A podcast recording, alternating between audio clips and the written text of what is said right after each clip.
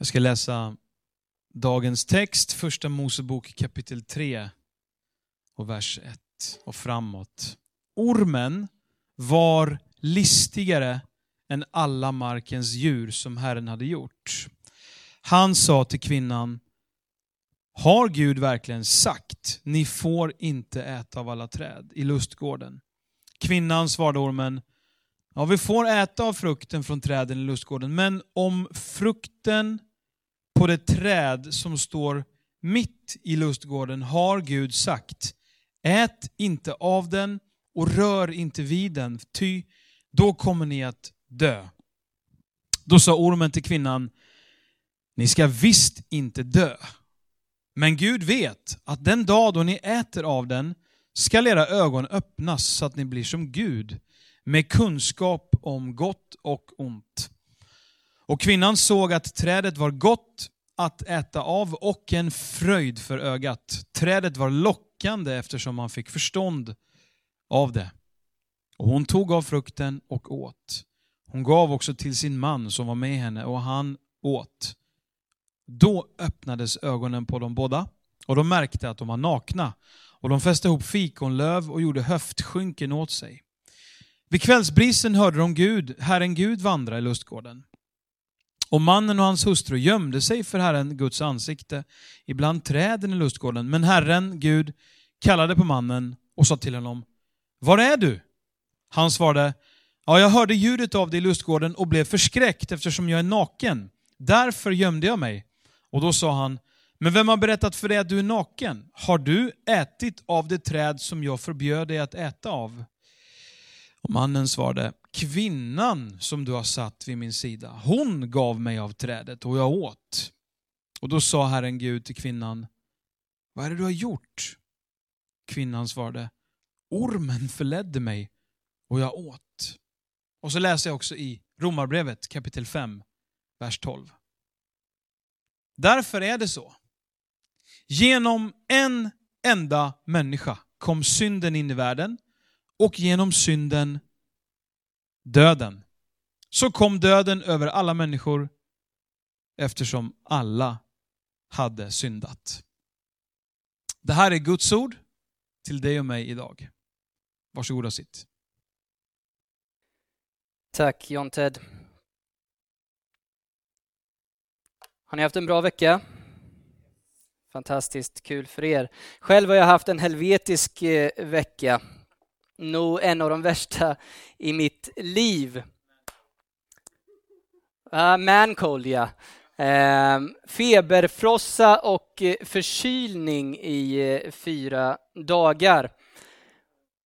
Och jag var så ömklig, och man brukar ju säga att eh, det är som för en man att föda. Så jag sa till min fru för att kolla om det här stämde, att nu när du ser hur illa däran det är med mig så, kära Maria, måste du ju inse att det här är ju värre än när du födde våra två fantastiska barn. Varpå hon svarade, lilla Linus, allt handlar om hur stor smärtgräns man har. Det var väl snällt eh, av henne att säga så. Och till råga på allt så har jag fått den fantastiska förmånen att tala om just syndafallet. Så man skulle kunna säga att jag har upplevt syndafallets konsekvenser under den här veckan, om man ska ha lite teologihumor. De andra som har eh, fått tala före mig i fyra söndagar utifrån Genesis, första Mosebok, de har ju fått tala om att en god Gud som skapar allting som är gott. Och idag så ska vi tala om när allt går snett, när världen blir förvriden, skev och trasig. När människan blir någonting som hon inte var tänkt att vara. Och vi ska tala om världshistoriens kanske största tragedi, skilsmässa och separation. Kul va? Jag fick den vinnande texten. Men det är det fina tycker jag när vi kör just så här textutläggande undervisning. Vi går igenom en, en bok, att vi inte bara väljer de verser som eh, kittlar oss lite i öronen, som är lite rosa, fluffiga och eh, kanske ibland vaggar in oss i någon falsk förhoppning om att allting står rätt till. Utan vi tar alla verserna. Men vi ska även kika på hur i denna text Gud redan på syndafallets dag börjar sin frälsningsplan. Han väntar inte utan han börjar direkt. Men mer om det kommer, att, kommer vi att få höra om nästa söndag. Så idag är det syndafallet. Varje gudstjänst är ett eko utav dessa ord från Gud. Var är du? Varje gudstjänst är ett uttryck för hur Gud söker det som är förlorat, det som har tappat bort sig helt, flyr för att inte bli avslöjad i sin skam och skuld. Vi byter här, som jag sa, drastiskt eh, tonläge i del 5. Vi har haft fyra söndagar som har varit gott, härligt, underbart. Talat om Gud, hur god han har gjort skapelsen och hur allt är harmoniskt. Det är ungefär som att Gud har skapat en enda stor lekplats för människan att bara njuta av och tillsammans med Gud. I dagens text så finner vi roten till det som berör oss alla. Ondska, synd. På ett sätt så kan man säga att det finns i vår närhet i form av terror, krig, misshandel och så vidare. Hemska saker, människor på flykt undan ondska. Samtidigt så finns det så otroligt nära oss, i oss, i våra tankar, i vår bräcklighet, skam, skuld, flykt. Var kommer allt det där ifrån? Dagens text visar det som är hela mänsklighetens konstanta trauma, där allt blev skevt och snett och det som är roten till allt ont, till all ondska. Och Bibeln kallar det för synd. Synd. Det är alltid en utmaning att tala om synd. Vissa tycker att man talar alldeles för mycket om synd. Men synd är ganska centralt i Bibeln. Därför ska jag försöka ge en liten kort inledning om synd innan vi sammanfattar vad dagens text säger. För vår syn på synd är avgörande för hur vi ser på människan. Vad är problemet med människan? Vår syn på synd avgör det. Vad är människan kapabel till och vad är människan inte kapabel till? Vår syn på synd avgör det. Därför avgör också vår syn på, på synd synen på Kristus. Vem var han? Varför kom han och vad var det han utförde? Vår syn på synd avgör nämligen vad det var som Kristus behövde komma och ställa till rätta. Vår syn på synd avgör också hur vi blir frälsta. Det vill säga hur den frälsning som Kristus har vunnit för oss kommer oss till del. Hur frälser Gud människor? Vår syn på synd avgör det. Om vi frälser oss själva eller om det är Gud som måste förbarma sig över oss och frälsa oss ifrån början till slut. Inte bara inledare och avslutare med lite hjälp av oss i mitten. Och slutligen, vår syn på synd avgör hur vi ser på kyrka. Vad är kyrkans uppdrag? Vad ska kyrkan syssla med? Hur ser en kyrklig gudstjänst ut och kanske framför allt, vad är kyrkans budskap? Synd. Ofrånkomligt så är det många som förknippar det med en syndakatalog. Moral och etik. Men synd är varje gång som jag i tanke, ord eller handling inte litar på Gud och Guds goda vilja. När jag inte litar på att han och det han säger är det högsta goda och absolut bästa och helt rätta. Det vill säga varje gång jag handlar, när jag inte handlar i tro utan i otro. När jag vänder mig bort ifrån Gud och säger att Gud är inte det godaste. Det finns någonting som är bättre. Gud har inte rätt, jag har mer rätt. Varje gång jag säger ske inte din vilja Gud, utan ske min vilja. Synd blir nämligen att vi underkänner Gud som Gud. Han kvalar inte in riktigt. Han blir kuggad. Och på det underkännandet så följer ett uppror. Det jag gör uppror mot honom och jag ställer min tilltänkta godhet över Guds godhet och min egen vilja över Guds vilja. Jag ber alltså inte längre ske din vilja, utan jag ber ske min vilja. Och det är det som är syndens rot. Att människan gör sig själv till Gud och blir alltings skapare, alltings herre, alltings centrum och alltings mål. Och det är den absolut allvarligaste form av satanism som vi kan syssla med. Det är att dyrka mig, mitt och mina. Vi har sagt nu i fyra söndagar att det är Gud som är alltings ursprung. Det är från Gud som allting kommer. Det är till Gud som allting finns till. Han är centrumet vilket allting snurrar runt. Och han är alltings slutliga mål. Det finns ingenting godare än honom, finns ingenting bättre än honom, finns inget mer underbart än honom. Och det han säger är alltid rätt, alltid gott och alltid underbart. Att leva i synd är att ta precis den platsen och säga att allting som finns till, eller om det ska finnas till, så ska det finnas till för mig. Finns det till så är det bara för mig och jag är alltings centrum. Jag är början och jag är slutet. Jag är Herren i kontroll. Och detta utifrån att vi inte litar på, att vi inte har tillit, kanske ett bättre ord i dagens text, på Gud. Att leva i synd är att brista i sin tilltro till Gud och sätta sin tillit till något annat. En frestelse, en lockelse, en avgud efter mitt eget omdöme eller till sig själv.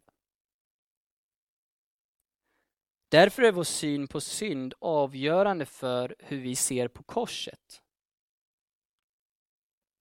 För om synd är ofarligt, då var korset onödigt.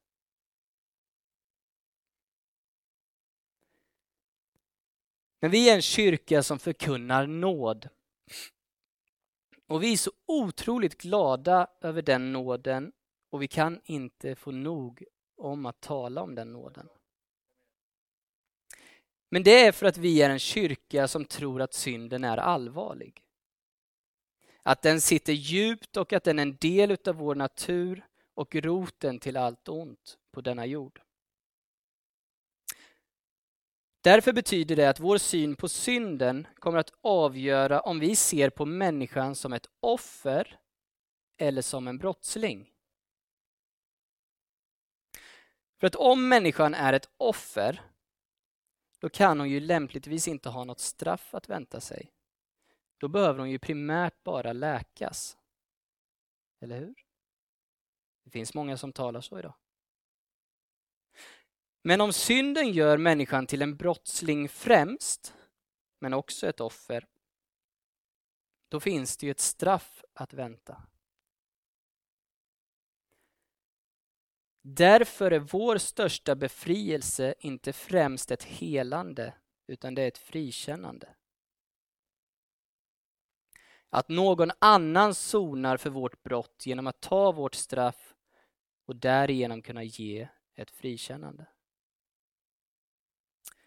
Vi behöver inte bestämma oss för om vi är offer eller brottslingar. Vi är både och. Vi är offer för vårt eget brott. Men människan är en brottsling som har gjort uppror mot Gud och därför väntar med rätta ett straff. Men som de goda nyheterna säger, Hans son har blivit människa för att ta hela mänsklighetens straff på sig, sona vårt brott och därför i evangelium kunna erbjuda ett fullständigt frikännande. Tack Jesus. När jag tittat på den här texten och förberett mig och funderat på det här så har jag insett mycket mer hur allvarlig synden är. Hur lätt jag har tagit på synden. Det har gjort också under den här tiden då jag förberett mig att min syn på korset har höjts och stärkts ännu mer.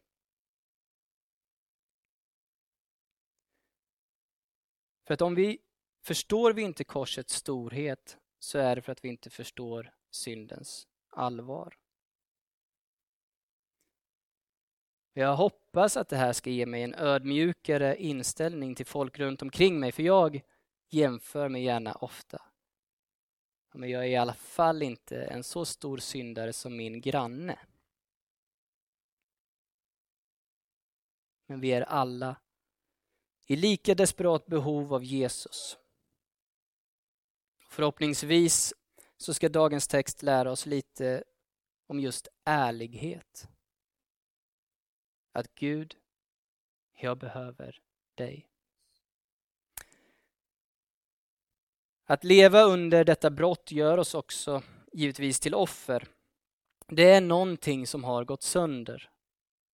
När vi bryter mot Guds lagar så går vi sönder, går skapelsen sönder, går relationer sönder, går allting sönder.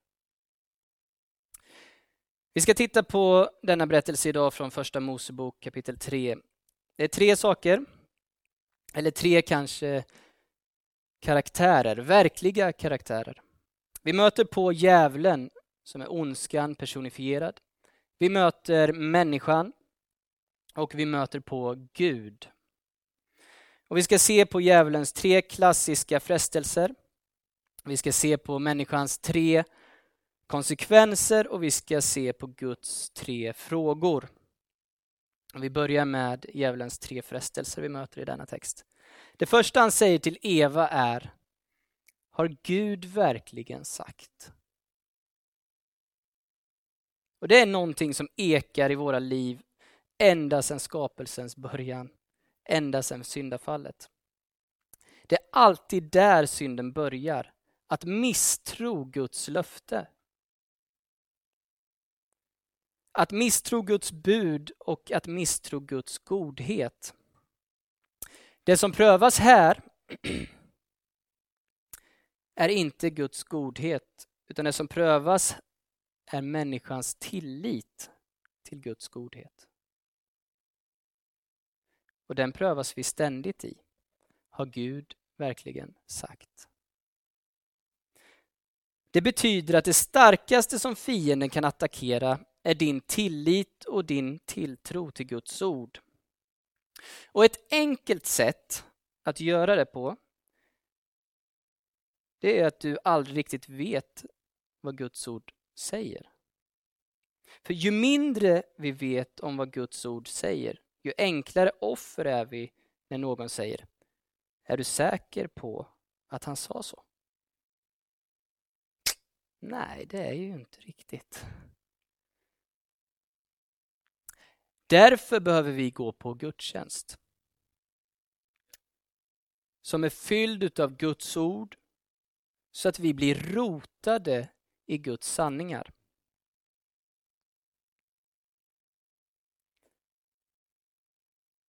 Och jag vill även säga att du behöver spendera tid själv i Guds ord. Men inte enbart, utan du behöver komma på gudstjänst tillsammans och få höra Guds ord utlagt. För då kan vi stå fasta när vi frestas. Har Gud verkligen sagt?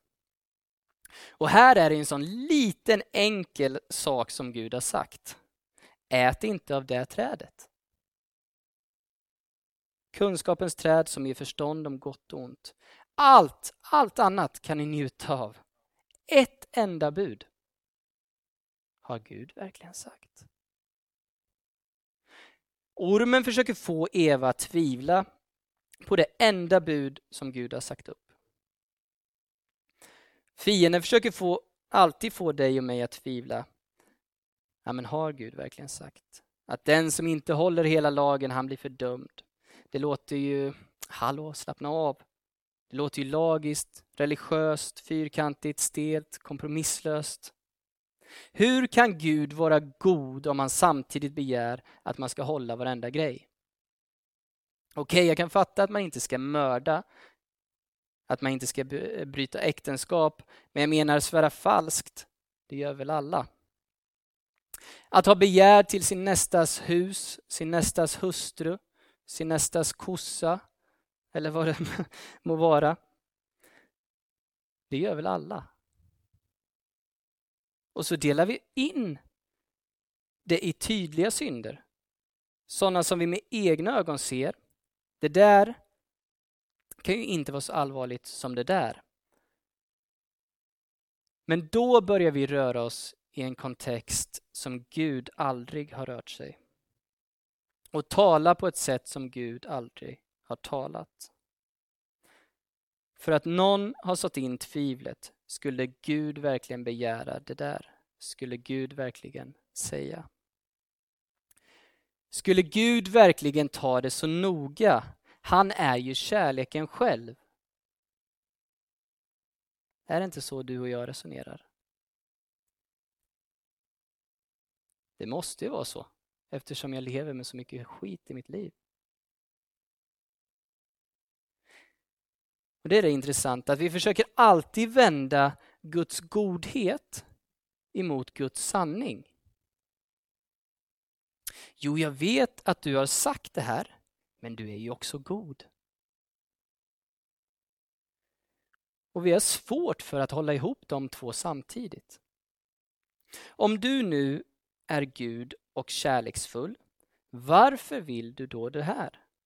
Skulle du verkligen mena Det Gud begär av människan i detta sammanhang skulle man kunna säga är en struntsak, en obetydlig grej.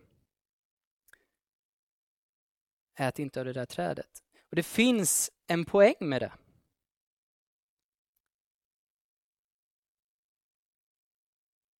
Det finns ju allvarligare saker som man kan göra. Jag tror nästan att det hade varit enklare för Adam om Gud hade sagt du ska inte misshandla din fru.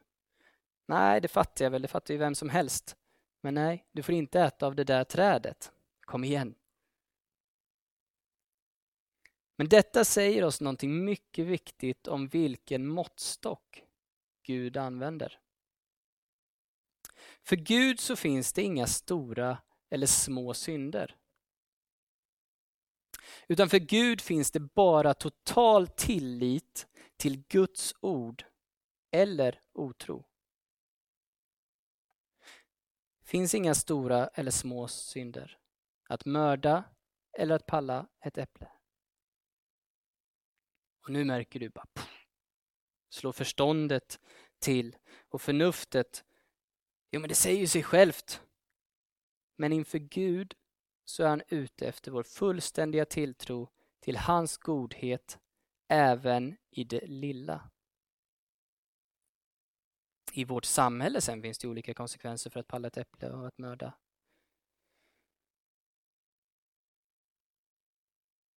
Och Jesus säger att den som har varit trogen i det lilla, han kommer att vara trogen i det stora. Men han som har varit otrogen i det lilla, han kommer att vara otrogen i det stora. Med detta första bud har Gud lärt oss för alla tider att han ser till hjärtats lydnad, inte till gärningens storlek. Skulle Gud verkligen ha sagt. Man tittar på gärningen, men man litar inte, eller man tittar inte på Guds vilja. Den som är trogen i det lilla är trogen i det stora. Det här är ett prov som inte har med frukt att göra utan med människans hjärta att göra. Är det inte så att ditt och mitt hjärta avslöjas inte i de stora grejerna utan i de små? Därför resonerar vi så här att vi håller de yttre buden medan vårt liv och vårt inre är fullt av små dolda synder. Vi är minsann inga mördare men vi baktalar, vi hatar och vi förbannar. Och på något sätt så tycker vi att det där kan ju inte vara lika viktigt som det där. Jo, för Gud gör det oss alla till syndare. Och då svarar vi, äh, skulle Gud verkligen ha sagt. När vi verkligen vet att Gud har rört vid vårt hjärta, det är inte när vi är oroliga för de stora eller vanliga synderna som alla är oroliga för. Det som förnuftet själv kan förstå att det här är ju helt fel. Det behöver man inte vara troende för att vara orolig för. Varenda människa försöker gömma de synderna eller är orolig och känner någon form av samvetskval inför de typiska synderna. Nej, du vet att Gud är på ditt liv när du känner nöd inför de obetydliga synderna. Det som förnuftet inte bryr sig om, det är då du vet att den helige Ande är på ditt liv. När du börjar känna Gud, förbarma dig över mig. Det andra djävulen frestar med är, ni ska visst inte dö. Men med Guds bud så följer konsekvens. Om ni äter av frukten från det trädet ska ni döden dö. Vi Ska lite, eh, titta lite på det här döden dö. Det är egentligen en trefaldig död. Det första som sker är en andlig död där människans och Guds kontakt bryts. Den andra döden är en fysisk död. Det är när kroppen och anden skiljs åt och kroppen läggs åter i jorden.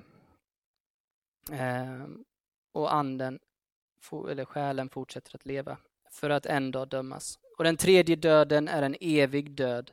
Det är när vi för alltid kommer vara skilda från livet. Det är konsekvensen utav synd. Så här har fienden, ondskan, djävulen alltid sagt. Nej, det där är bara eh, skrämselpropaganda. Det finns inga konsekvenser för det. Ni ska visst inte dö. Samma taktik jämt och ständigt. Först fresta och sen ge ett falskt löfte. kommer inte hända någonting. Du behöver inte vara rädd. Det finns inga konsekvenser för det. Skärp dig. Det är ingen fara. Inget ont ska drabba dig. Allt ska gå dig väl. Gud är ju kärlek, eller hur? Och Gud är kärlek. Men han är också helighet och rättfärdighet. Och med rätta så dömer han all synd. Vi vill oftast bara tala om att han är kärlek, inte lika ofta om hans helighet och hans rättfärdighet. Detta skedde inte bara i syndafallet, det sker hela tiden i varje syndafall. Det börjar med äh, skulle Gud verkligen ha sagt? Skulle Gud verkligen bry sig om detta? Och sen, äh, det blir inga konsekvenser av det här. Inte ska väl vi dö? Jag kan göra detta och fortsätta göra detta och det blir aldrig några konsekvenser. Så fort du börjar tänka så, så vet du vem som har inspirerat dig. Och sist men inte minst så kröner han sin frestelse med Ni blir som Gud. Som jag inledde med så är synd att underkänna Guds förmåga att vara Gud och därigenom göra uppror mot honom och själv ta hans plats. Jag är den som vill skapa reglerna, jag är den som vill bestämma vad som ska göras. Jag är den som sätter mina egna bud. Jag är den som har kontrollen. Och det är utmärkande för vad frestelsen gör. Den lockar människans ego. Därför är en syndare egocentrisk, självupptagen, dyrkar människan och människans förmåga och vill vara oberoende utav Gud. Det bär människan emot under syndens natur att vara beroende. Tänk efter själv. Du vill vara oberoende. Hela ditt liv är fullt utav strävan efter oberoende. Du vill vara ekonomiskt oberoende. Du vill vara relationellt oberoende. Du vill hela tiden säkra att ditt liv inte vilar i någon annans händer. Eller hur? Jag skiter väl i det där, jag skiter i dem. Men ytterst så handlar det om Gud.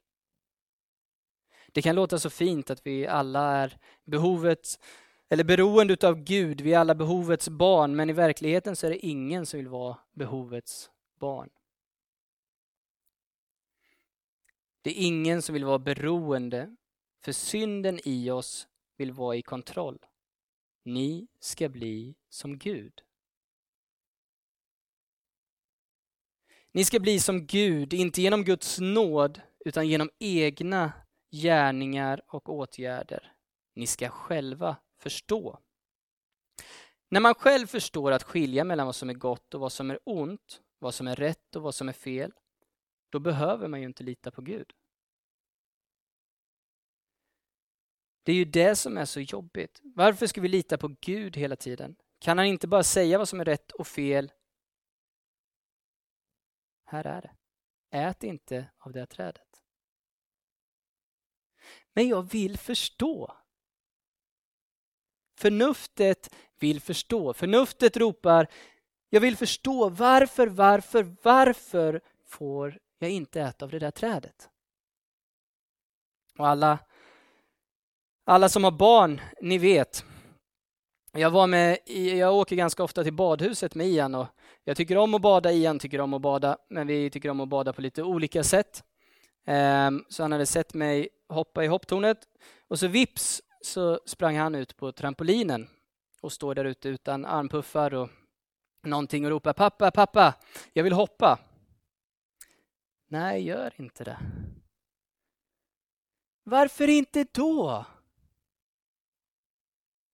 Här finns flera anledningar. Men okej, vi kan, kan prova. Så skulle man ju, nu sa han ingenting, han hoppade, jag fick hoppa i. Eh, man skulle kunna tänka att han under syndens natur i luften känner att jag ska visst inte dö. Mm. Luther sa, det är egentligen djävulens naturliga gift att människan vill vara klokare än Gud gjort henne. När Paulus återberättar detta i Romarbrevet 1 och 22 så sa han, de påstod sig vara visa men blev dårar. Dårskap kallar Bibeln det och Saltaren är full utav det. Den som inte frågar efter Gud, den som klarar sig utan Gud. Och det är sant för alla, för dig och för mig. Varje gång vi lever och tror att det här funkar bra utan Gud, då är du en dåre. För du har köpt lögnen om att vi ska bli, bli precis som Gud. Och ibland så, kan man göra, eh, så gör man kristendomen till att det ska bli till, eh, syftet. Liksom. Kom till kyrkan och du ska bli som Gud. Alltså Gud är inte målet, Gud är medlet så att vi ska bli som honom. Visst, vi ska bli lika honom, men vi ska inte bli honom och vi ska inte ta hans plats. Det finns mycket mer man skulle kunna säga om detta. Man skulle kunna tala om att Eva såg att det var gott att äta. En hunger som Gud hade lovat att mätta. Allt fanns där för att de skulle bli mätta och mätta den hungern. Men det fanns också någonting i ögonen som skapade ett begär. Det var vackert att se på och hon tog. Är det inte så det går till precis i ditt och mitt liv? Du blir frestad när du är hungrig, när du är rastlös, när ledarna tagit ut sig och du vet inte riktigt vad du ska göra. Så får du syn på någonting som glimmar och som verkar gott och så talar det till oss. Det här är du värd. Det här borde du ta. Om Gud är god så borde han unna dig detta. Han borde förstå vad du behöver just nu istället för att söka sig till Gud. Så är det för mig. När jag blir uttråkad, då gör jag och unnar jag mig själv väldigt bedrägliga saker. Jag tänker sällan på Gud när jag är uttråkad. Men det finns en säker väg att inte falla för frestelsen. Det är att falla på knä. För han som faller på knä faller inte så lätt. Vi ska titta på människans tre reaktioner efter det här fallet när man köper frestelsen. Det är ord som du känner väl igen. Det är skam, skuld och smitning. Återigen så kan vi få hjälp att se på oss själva genom att tänka på barnen. Alltid när man inte hör Ian, när det blir helt tyst, när han har gömt sig och man ropar på honom och han svarar med Nej pappa, gå bort. Då vet man att någonting är allvarligt fel. Så fort de ätit av frukten öppnas deras ögon och det var ingenting underbart de ser, utan det står skam var det första som hände. De skämdes över att de var nakna. Och direkt så försöker de dölja vilka de är. Lite taffligt sätta ihop några fikonlöv. Dessa underbara skapelser som var skapade till Guds avbild. Så fort du, du och jag försöker dölja hur det egentligen står till så är det alltid ett säkert tecken att det är ett resultat utav skam. Synd ger skam. Och Du behöver inte gå till kyrkan för att höra om det. Du kan lyssna på sommarpratarna på radion eller se på Så mycket bättre eller vilken realitysåpa som helst. Nerven kommer i programmet när de frångår manus och börjar blotta själen och säga hur det verkligen är. När man vågar tala om denna oförklarliga skammen, komplexen för sig själv, att aldrig våga vara helt okej okay med den jag är. Var kommer skammen ifrån? Tänk efter själv. Varför känner jag den här skammen? Det har sin botten i skulden. Skammen är inte bara inbildning. Skam bygger inte på din stora näsa eller dina utåtstående öron. Skam handlar inte om hur mycket pengar du tjänar eller hur lite. Skam hämtar sin rot i en verklig skuld. Skuld inför Gud som är en verklig fruktan. Skuld talar om att jag är skyldig. Och hur hanterar vi skulden? Jo, det gör vi ofta genom att skjuta bort den, att smita genom att fly, eller är alltid någon annans fel? Omständigheter och så vidare. Så när Gud säger Vad har du gjort? Ja, det var inte jag. Det var kvinnan som du har skapat. Eller gett mig. Säger Gud, kvinnan, vad har du gjort? Ja, det var inte jag. Det var ormen som du har skapat. När vi får höra evangelium, när vi kommer till slutet av oss själva, så svarar vi på eh, Guds tre frågor så här. När Gud säger Var är du? Ja, Gud, jag vet. Jag är vilsen. Jag har flytt. Jag har gått min egen väg. När han säger Vem har du lyssnat på? Ja, jag har lyssnat på mig själv. Jag har inte litat på dig och dina ord.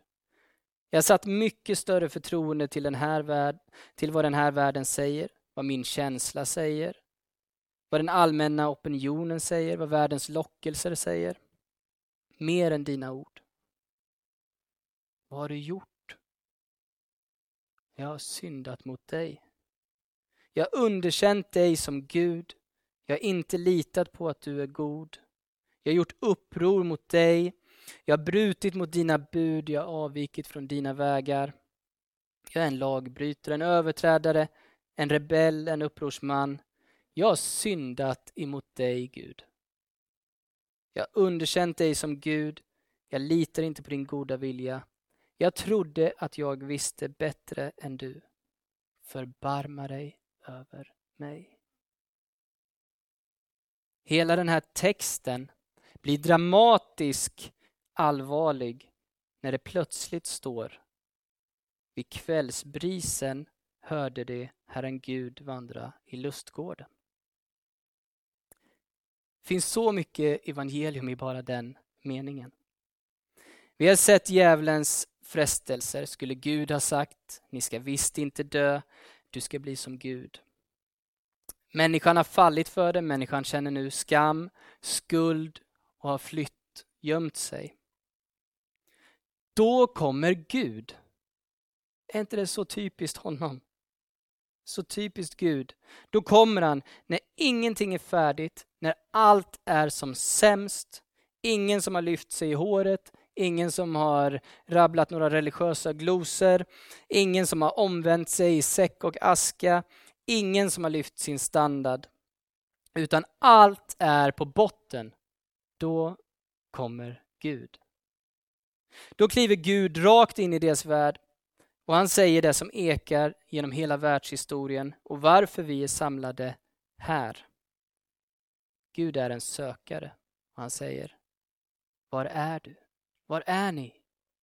Adam och Eva. Vi talar ofta om oss själva som sökare, men nej, du är ingen sökare. Du är fullständigt förlorad. Men han är en sökare. Och han har varit det ända sedan syndafallets dag. Dagen är ju ännu inte slut när kvällsbrisen kommer in. Det är alltid då i livets skymning, när det börjar bli mörkt. Har du märkt det? På natten. På dagen, då är det så mycket annat som händer, så mycket rutiner som måste ske, folk överallt, brus och väsen, arbeten och barn och alltihopa. Men sen när det börjar bli tyst, när mörkret lägger sig, då kommer ångesttankarna så vi knappt vågar somna. Ser en film till på Netflix, lyssnar på en podcast till och så har vi tvn på i bakgrunden och vissa vuxna vågar knappt släcka lampan. Varför då? För att man vet att med natten kommer rösten som tränger igenom allt. Var är du? Var är du? är en hotfull fråga som dömer oss. För jag vet att jag är på helt fel ställe. Jag är inte där jag är skapad att vara. Jag har gömt mig, jag försöker dölja mig, försöker gömma min skam, min skuld, smita undan, skylla på någon annan. Men jag har brutit mot Gud. Var är du? Uttrycker någonting mer än att Gud bara ska döma dig. Det är som om Gud inte står ut med tanken på att hans älskade människor ska få tillbringa den här natten i fruktan med orden om att du ska döden dö hängandes över sig. Så innan de somnar, innan det är natt, så vill han komma in och tända ett hoppets låga. Han har inte bara kommit dit för att döma, utan han har kommit dit för att bevisa och säga att du är skyldig till det jag sa. Men och det ska vi få höra mer om nästa söndag. Men han förmedlar evangelium, han tänder mitt i detta otroliga mörkret hoppets låga om att kvinnans säd ska krossa ormens huvud.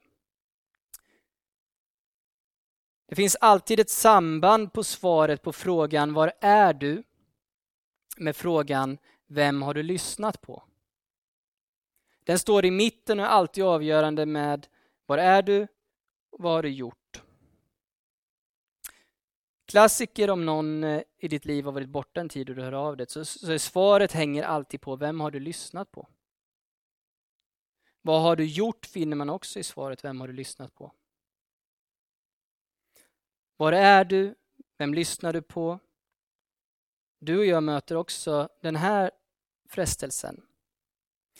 Att när vi sätter vår tro till Jesus och säger ja, jag vet att jag inte är värdig, att jag jämt faller till korta, men jag sätter hela mitt hopp till att Jesus, du har dött för min synd. Då kommer Satan och säger, skulle Gud verkligen ha sagt? Skulle Gud verkligen mena att han dog för 2000 år sedan? Hur vet du att han dog?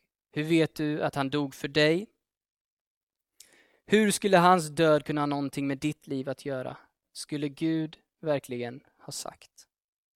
Och så vill han damma av samvetet och säga Nej, du ska inte dö. Tänk inte sådana tankar. Smile.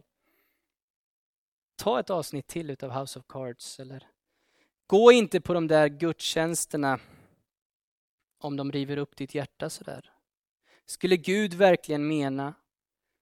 Skulle Gud verkligen göra sådana här gudstjänster? Skulle Gud verkligen tjata så mycket om det där? Nej, det är du som är kungen. Det är du som är Gud, du som står i centrum. Allt ska passa dig. Och vet du vad? Hans fråga tränger alltid igenom. Det finns inget brus som kan hålla den borta. Var är du? Vad har du gjort? Vem har du lyssnat på? Och så förkunnar Gud istället. Lyssna på mig istället. Dina synder är dig förlåtna på grund utav vad Jesus Kristus gjorde på Golgata kors. Han kom och blev som en människa, blev en människa. Han levde vårt liv och där Adam föll stod Kristus pall. Han tog vår död, tog vårt straff för att i honom får vi som är döda liv. Där vi som är skyldiga brottslingar blir frikända för att han har sonat vårt straff. Mer om det nästa söndag. Amen.